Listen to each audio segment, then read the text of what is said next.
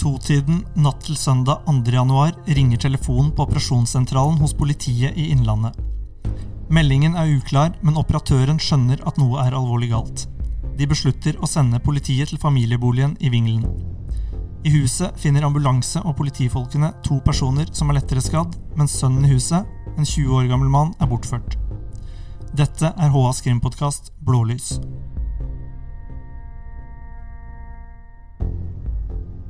Det har vært eh, dramatiske døgn etter at en 20-åring ble bortført fra Vingelen i Tolga natt til eh, søndag. Jeg har eh, fått med Trond Svendsen og Rune Steen Hansen i studio her i kveld.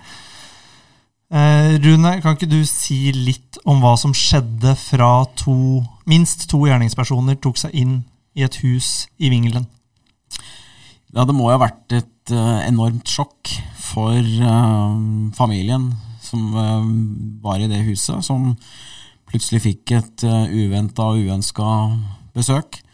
Hvor det kommer inn to personer og, på et mer eller mindre torpedooppdrag for å ta sønnen i huset. Og det vi har fått vite, er jo at det har vært et lite basketak der, og det har vært løsna et skudd. Og sønnen i huset blir truffet av det skuddet, og da naturligvis skadd. Eh, vi, vi har jo prøvd å sette oss inn i den situasjonen, og det tror jeg er nesten helt umulig å tenke på hva slags sjokk det må ha vært for de, de tre som var der. Det må ha vært veldig dramatisk i de minuttene står på der, og så blir jo da 20-åringen tatt med ut av huset, satt inn i en bil som setter kursen sørover nedover Østerdalen. Ja, det er det vi har fått eh, vite, at de da, da, kjører der. Og det er jo blitt opplyst om at politiet allerede på det tidspunktet der er informert om at det har eh, skjedd noe inne i huset, og at de er på vei til huset. Eh, og det er grunn til å tro at det er jo også i, i tankene til gjerningspersonene, som sikkert kjører i full fart. og det har eh, gått unna nedover Østerdalen så fort at eh, de på et tidspunkt eh, i nærheten av Koppang kjører også av veien og havner ute på et jorde. Og har vi sett noen bilspor der på, på et, bilde som Østlendingen hadde, og da ser ser vi at det har vært umulig for bilen å komme seg opp på veien igjen. Sånn at det bare har fortsatt med en firehjulstrekker og kjørt over jordet og kommet seg bort fra det jeg gjorde på den, eh, på den måten. Og så viser det seg at uh, de da har rekvirert en, en, taxi og kjørt videre. Det er, det er, en helt ufattelig historie. For det er jo ganske spesielt at bilen kjører av veien, blir stående i Koppang-området, og det er altså en taxi som er involvert i flukten videre. Og det her bekrefter politiet til oss i dag at ja, det har vært en taxi involvert. Men du vil ikke si ytterligere og gi ytterligere opplysninger om taxituren. Nei, og det er jo De ønsker jo å holde lav profil på dette politiet. De, etterforsker jo saken. Dette kan jo Trond fortelle, fortelle mer om med sin eh, bakgrunn som eh, krim, krimjournalist, om hvordan politiet jobber og tenker i sånne situasjoner. Men de har nå kommet seg videre da, i en eh, taxi, og om de har benytta enda en taxi, det er litt, eh, litt, uklart. Men eh, på et eller annet tidspunkt så dukker også denne, denne mannen opp litt lenger sør i landet. Og Trond, det her som vi var innom, det her er voldsomme historier som fortelles. Det er nesten ikke sånn at man tror at det skjer. Du kan jo tenke deg stressnivået i situasjonen i det den bil greia inntreffer der. Altså Her er adrenalinnivået skyhøyt i utgangspunktet. ikke sant? Og så, og så, eskalerer situasjonen, vil jeg tro, ytterligere med at bilen drar av veien. Og de uh, har med seg en mann som er stressa, og gjerningspersonen er stressa. Og det er klart at uh, situasjonen er veldig dramatisk. De er stressa, og vi vet jo at de i hvert fall på et eller annet tidspunkt har vært bevæpna. Vi vet ikke om politiet har fått kontroll på et våpen. Det vil ikke si noe om, eh, eller om de gjerningspersonene har hatt med seg våpnene på vei nedover Østerdalen også. Nei, Skytevåpnene vet vi jo lite om, da. Eh, og vi vet jo heller ikke om det er avfyrt på en slik måte at det på en måte er siktet på og avfyrt for å skade, eller om eh, skuddet kan ha gått av ved et uhell og truffet vedkommende uten at det var planer om det. det. Det er jo en detalj vi foreløpig ikke har kunnskap om. Og så vet vi jo da at de er tatt turen sørover. Eh, politiet har, som Rune var inne på i stad, fått tidlig kjennskap til at noe har skjedd. Og utover morgentimene på søndag så meldes det om bevæpna politi i Nord-Østerdalen. Det er eh, veisperringer, men lite informasjon ellers. Ja, da da legges det jo egentlig litt lokk på saken fra politiets side, og det, og det, er jo ikke så rart. De vet kanskje ikke alt de trenger å vite på det tidspunktet, men så skjer det jo noe utpå ut på kvelden, da, på, på søndagen. For først blir 20-åringen eh, etterlyst, eh, og saken går rundt hele Norge. Ja, han blir jo det. Og så er det vel på morgenen, morgenen etter så, så, kommer det fram at uh, han faktisk har dukka opp på et uh, tog uh, hvor han har tatt uh, kontakt med en, med en konduktør. For, Søndag kveld skal det da ha skjedd? Som, for å da informere familien om at han er i god behold. Tilsynelatende, i hvert fall. Dukker opp på et tog på Gardermoen i retning Hamar, Lillehammer. Kontakter konduktøren, får varsla familie. Sammen varsler de politiet før Politiet møter 20-åringen på Hamar, der han blir eh, tatt hånd om. Ja, og det, det er jo helt, eh, helt, uvirkelig. Jeg kan ikke huske at jeg har hørt om noe, noe lignende. Det har Trond jobba med dette temaet her i mange år, så kan, han kan jo kanskje sette litt i perspektiv for oss. Ja, altså Det er jo, var det vi regnet oss fram til, 20 timer ca. At vedkommende er i eh, La oss bruke begrepet varetekt, da, i, i varetekt av de av de andre personene som er involvert i saken. Og det er klart at det er jo et uh, dramatisk uh, døgn uh, som vedkommende helt sikkert vil leve med og slite med resten av livet, vil jeg tro. Vi hadde for noen år tilbake hatt en historie i Hamar der noen holdt en fyr fanga i ei leilighet i, i, over en ganske lang periode. Teipa vedkommende til en stol, kasta vedkommende ned ei trapp og trua vedkommende i forbindelse med en narkotikasak. Og det, det var òg eh, veldig traumatisk, husker jeg. Man kan jo nesten ikke tenke seg hvordan det her oppleves for noen som ikke har vært i den situasjonen sjøl. Nei, altså dette her er jo true crime, virkelig, da. Uh, dette er sånn du ser på film. Uh, men dette her er uh, Sopranos brakt ut i virkeligheten. Mm. Men vi vet en del om veien nedover Østerdalen, og vi vet hvordan han dukka opp igjen, men det er noen timer der også der vi ikke vet noen ting. Vi vet f.eks. fremdeles ikke hvor i landet han skal ha blitt eh, frigitt. Vi vet bare at han dukker opp på Gardermoen. Ja, og her er det jo veldig interessant for politiet, vil jeg tro, å sammenholde opplysninga fra eh, fornærmede med opplysninga fra de nå som er sikta i saken. Og, og det her er det viktig, tipper jeg, at politiet legger vekt på veldig frie forklaringer i utgangspunktet, før de konfronterer noen med opplysninger om hva som helst som de måtte sitte på så tipper jeg at de legger stor vekt nå på å få mest mulig frie forklaringer, slik at de kan sammenholde det og på en måte måle de forklaringene litt mot hverandre. da. Ja, Du var inne på det her. Det har gått uh, noen dager. Nå er vi på onsdag. Politiet har vært svært tilbakeholdne med opplysninger uh, i ukas første dager. Uh, men i dag kom det frem at én person var pågrepet i går. Han meldte seg sjøl har blitt avhørt og er nå varetektsfengsla i fire uker. En uh, mann i 20-åra. Og i dag uh, kom også nyheten om at de har pågrepet ytterligere én person. Hva, hva, sier det om hvor politiet står i saken uh, etter kun noen få dager? Min teori er i hvert fall at de relativt tidlig fikk ganske god oversikt over miljøer og folk de leita etter. Eh, det er noe jeg antar at de har hatt god oversikt over hele tida. Og det kan jo være taktiske grunner eh, som ligger bak at de ikke er pågrepet kanskje med en gang politiet vet hvem de leter etter. Det kan være gode grunner til å la noen gjerningsmenn eh, holde på litt til for å se hvor de eventuelt kan lede politiet. Kanskje kan de lede politiet til flere. Og på tirsdag så visste politiet at en mann hadde, hadde meldt seg for politiet og satt i avhør, men de ville ikke kommentere om noen var pågrepet på det tidspunktet, men venta da altså i over et døgn. Hva, hva sier det? Jeg, igjen så tenker jeg at det er en del av den samme taktiske vurderinga som gjør at, uh, som gjør at uh, her er det om å skaffe seg mest mulig informasjon og ikke ødelegge for seg sjøl med å uh, gå ut med for mye eller røpe for mye.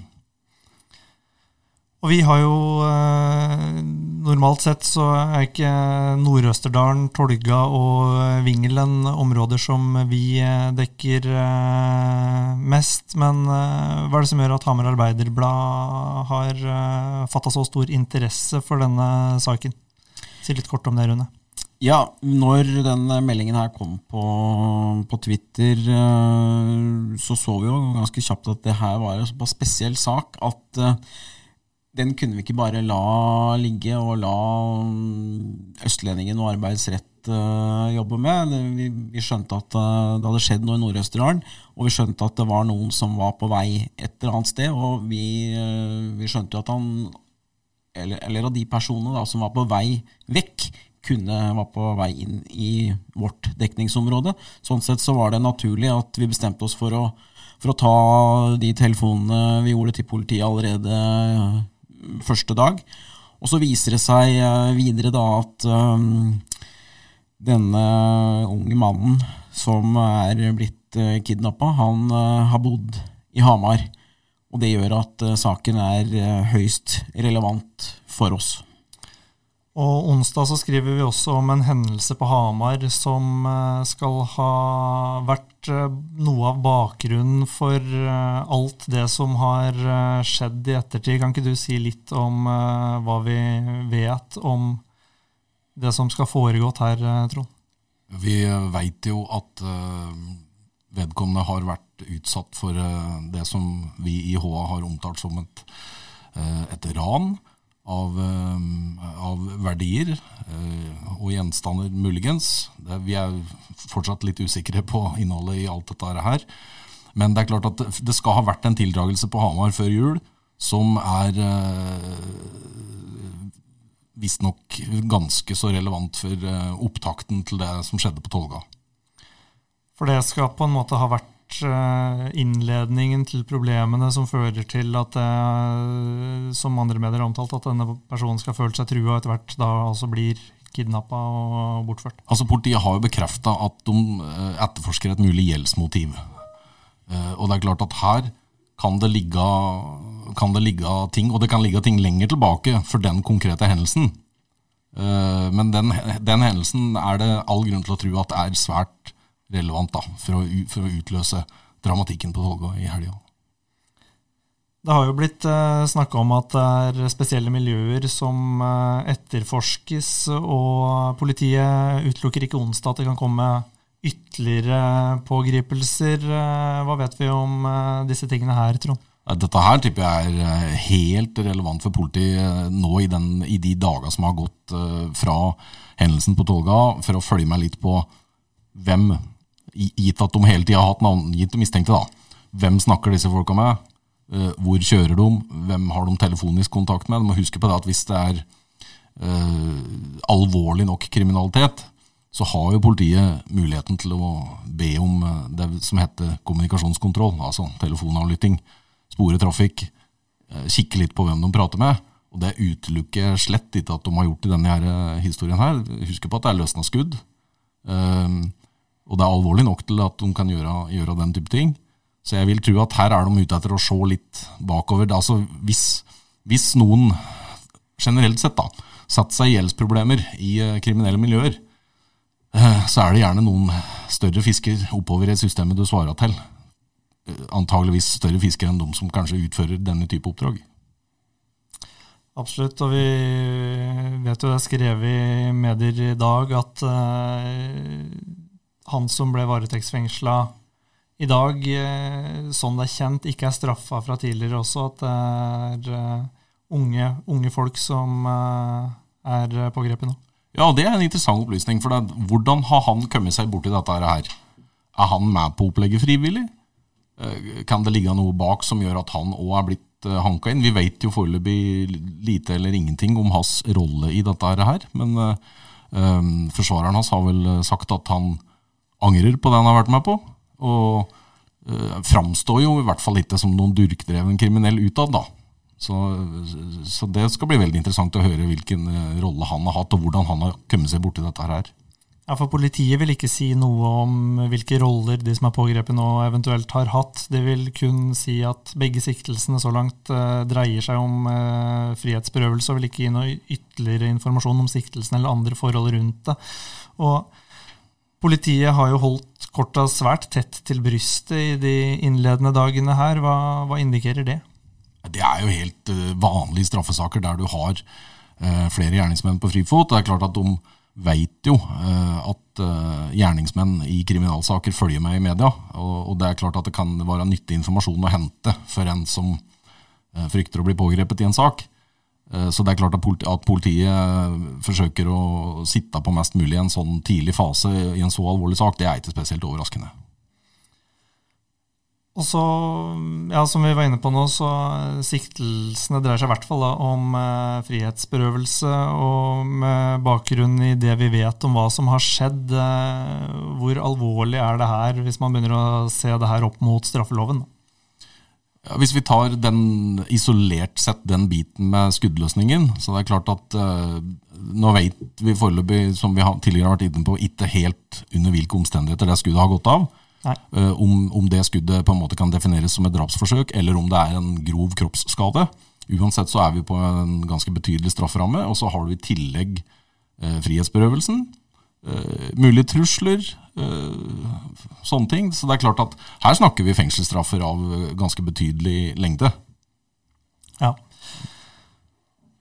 Det her fremstår jo, som vi har vært inne på, det fremstår jo helt uvirkelig. Men uh, skjer det her i Norge ellers? Det er ikke ofte vi hører om det, men uh, hvor vanlig er det? Jeg prata tidligere i uka med en uh, person som har svært god kjennskap til folk som sliter med rusproblemer. Og vedkommende sa til meg at det er slett ikke uvanlig at folk har skader, blåveiser, Eh, skader i armer og bein, og som gjerne blir bortforklart med at de har sykla av eller snubla eller falt på isen eller den type ting, men som for folk rundt om framstår som åpenbare vitnesbyrd om at de har vært utsatt for vold.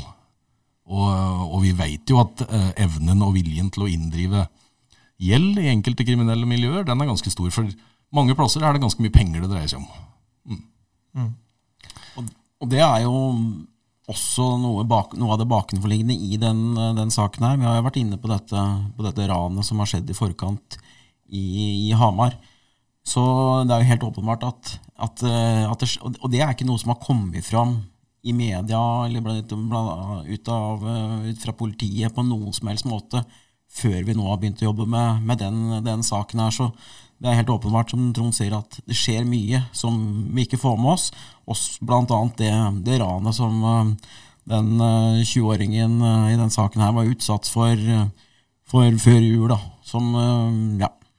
Mm. Vi, vi, fikk jo, vi, fikk jo, for et par år siden innblikk i et ganske tungt kriminelt narkotikamiljø i Hamar, der en person som satt i ganske betydelig narkogjeld, fortalte at han hadde blitt dratt inn i en bil ved Maxi kjørt ut i Stange og slått helseløs av to menn med balltre. Blitt kasta igjen ute ved Vika-senteret. Eh, en episode som ikke kom til politiets kunnskap før lenge lenge etterpå. For det er, nemlig, det er nemlig noe av det som skiller kanskje denne her eh, episoden på Tolga litt fra mange andre. At den kommer til offentlighetens kunnskap veldig fort. Av den etterlysningen som går ut og sånn. Det er svært sjeldent at vi Eh, på en måte er så tidlig inne i denne her type saker. Det er faktisk svært sjelden at vi får høre om dem i det hele tatt. Det gjør denne saken her veldig unik. Ja, og det har jo kommet ut opplysninger uh, som, har, som, forteller da at uh, den 20-åringen her nå har følt seg trua også i etterkant av det ranet som var i, var i Hamar. Så han uh, har nok ikke følt seg helt trygg sjøl om han har vært hjemme hos mor og far. Åpenbart eh, ikke. Eh, vi følger jo denne saken eh, videre. Og, men Rune, kan ikke du si litt om hvordan vi jobber med, jobber med disse sakene?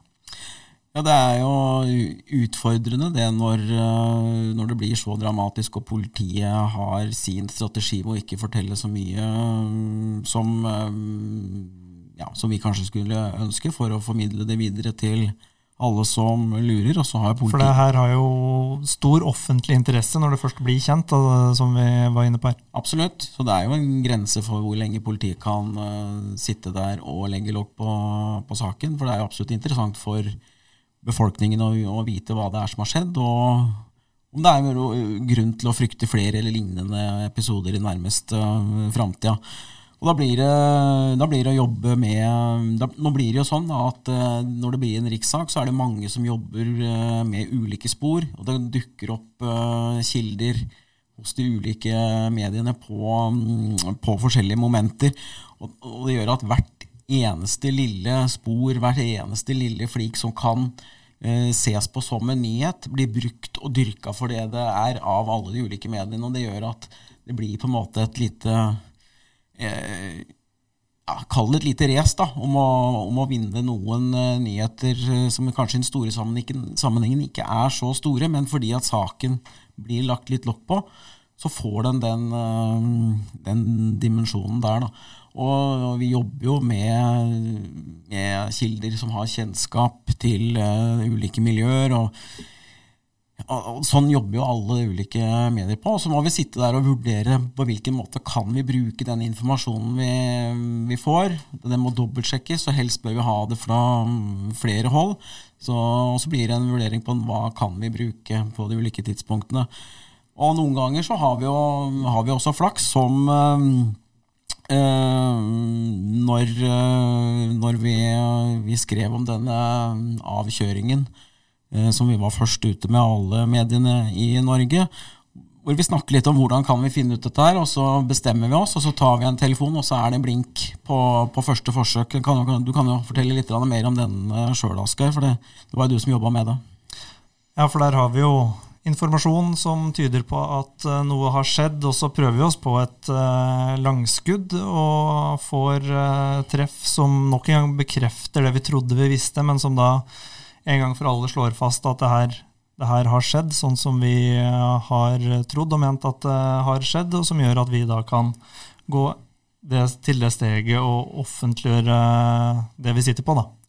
Så det var, det var jo en, Kall det gjerne en tilfeldighet, men vi, men vi, jobber etter ulike spor. Og når vi får liksom treff på det, så, så, har vi jo nok til å fortelle da at denne bilen kjørte av, eh, av veien.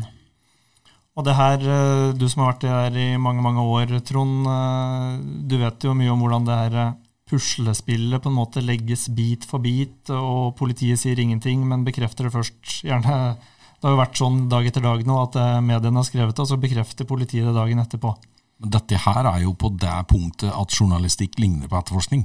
For at du snur en stein her og en stein der, og så får du en bit informasjon her og en bit informasjon der, og gjerne fra litt alternative kilder. Det er, det er alltid mange flere som veit ting om sånne hendelser enn det man tror. Og det, er, og det er jo sånn vi jobber. Og det er sånn vi får vite om ting. Mm. Eh, vi kommer helt klart til å fortsette å følge denne saken, og det er eh, all grunn til å tro at uh, siste ord ikke er sagt ennå. Og um, bare å følge med på HA på hva som skjer uh, fremover. Takk til deg, Trond og Rune, for at dere var med her, og så høres vi senere. Podkasten Blålys er laget av Asgeir Høymoen og Trond Svendsen.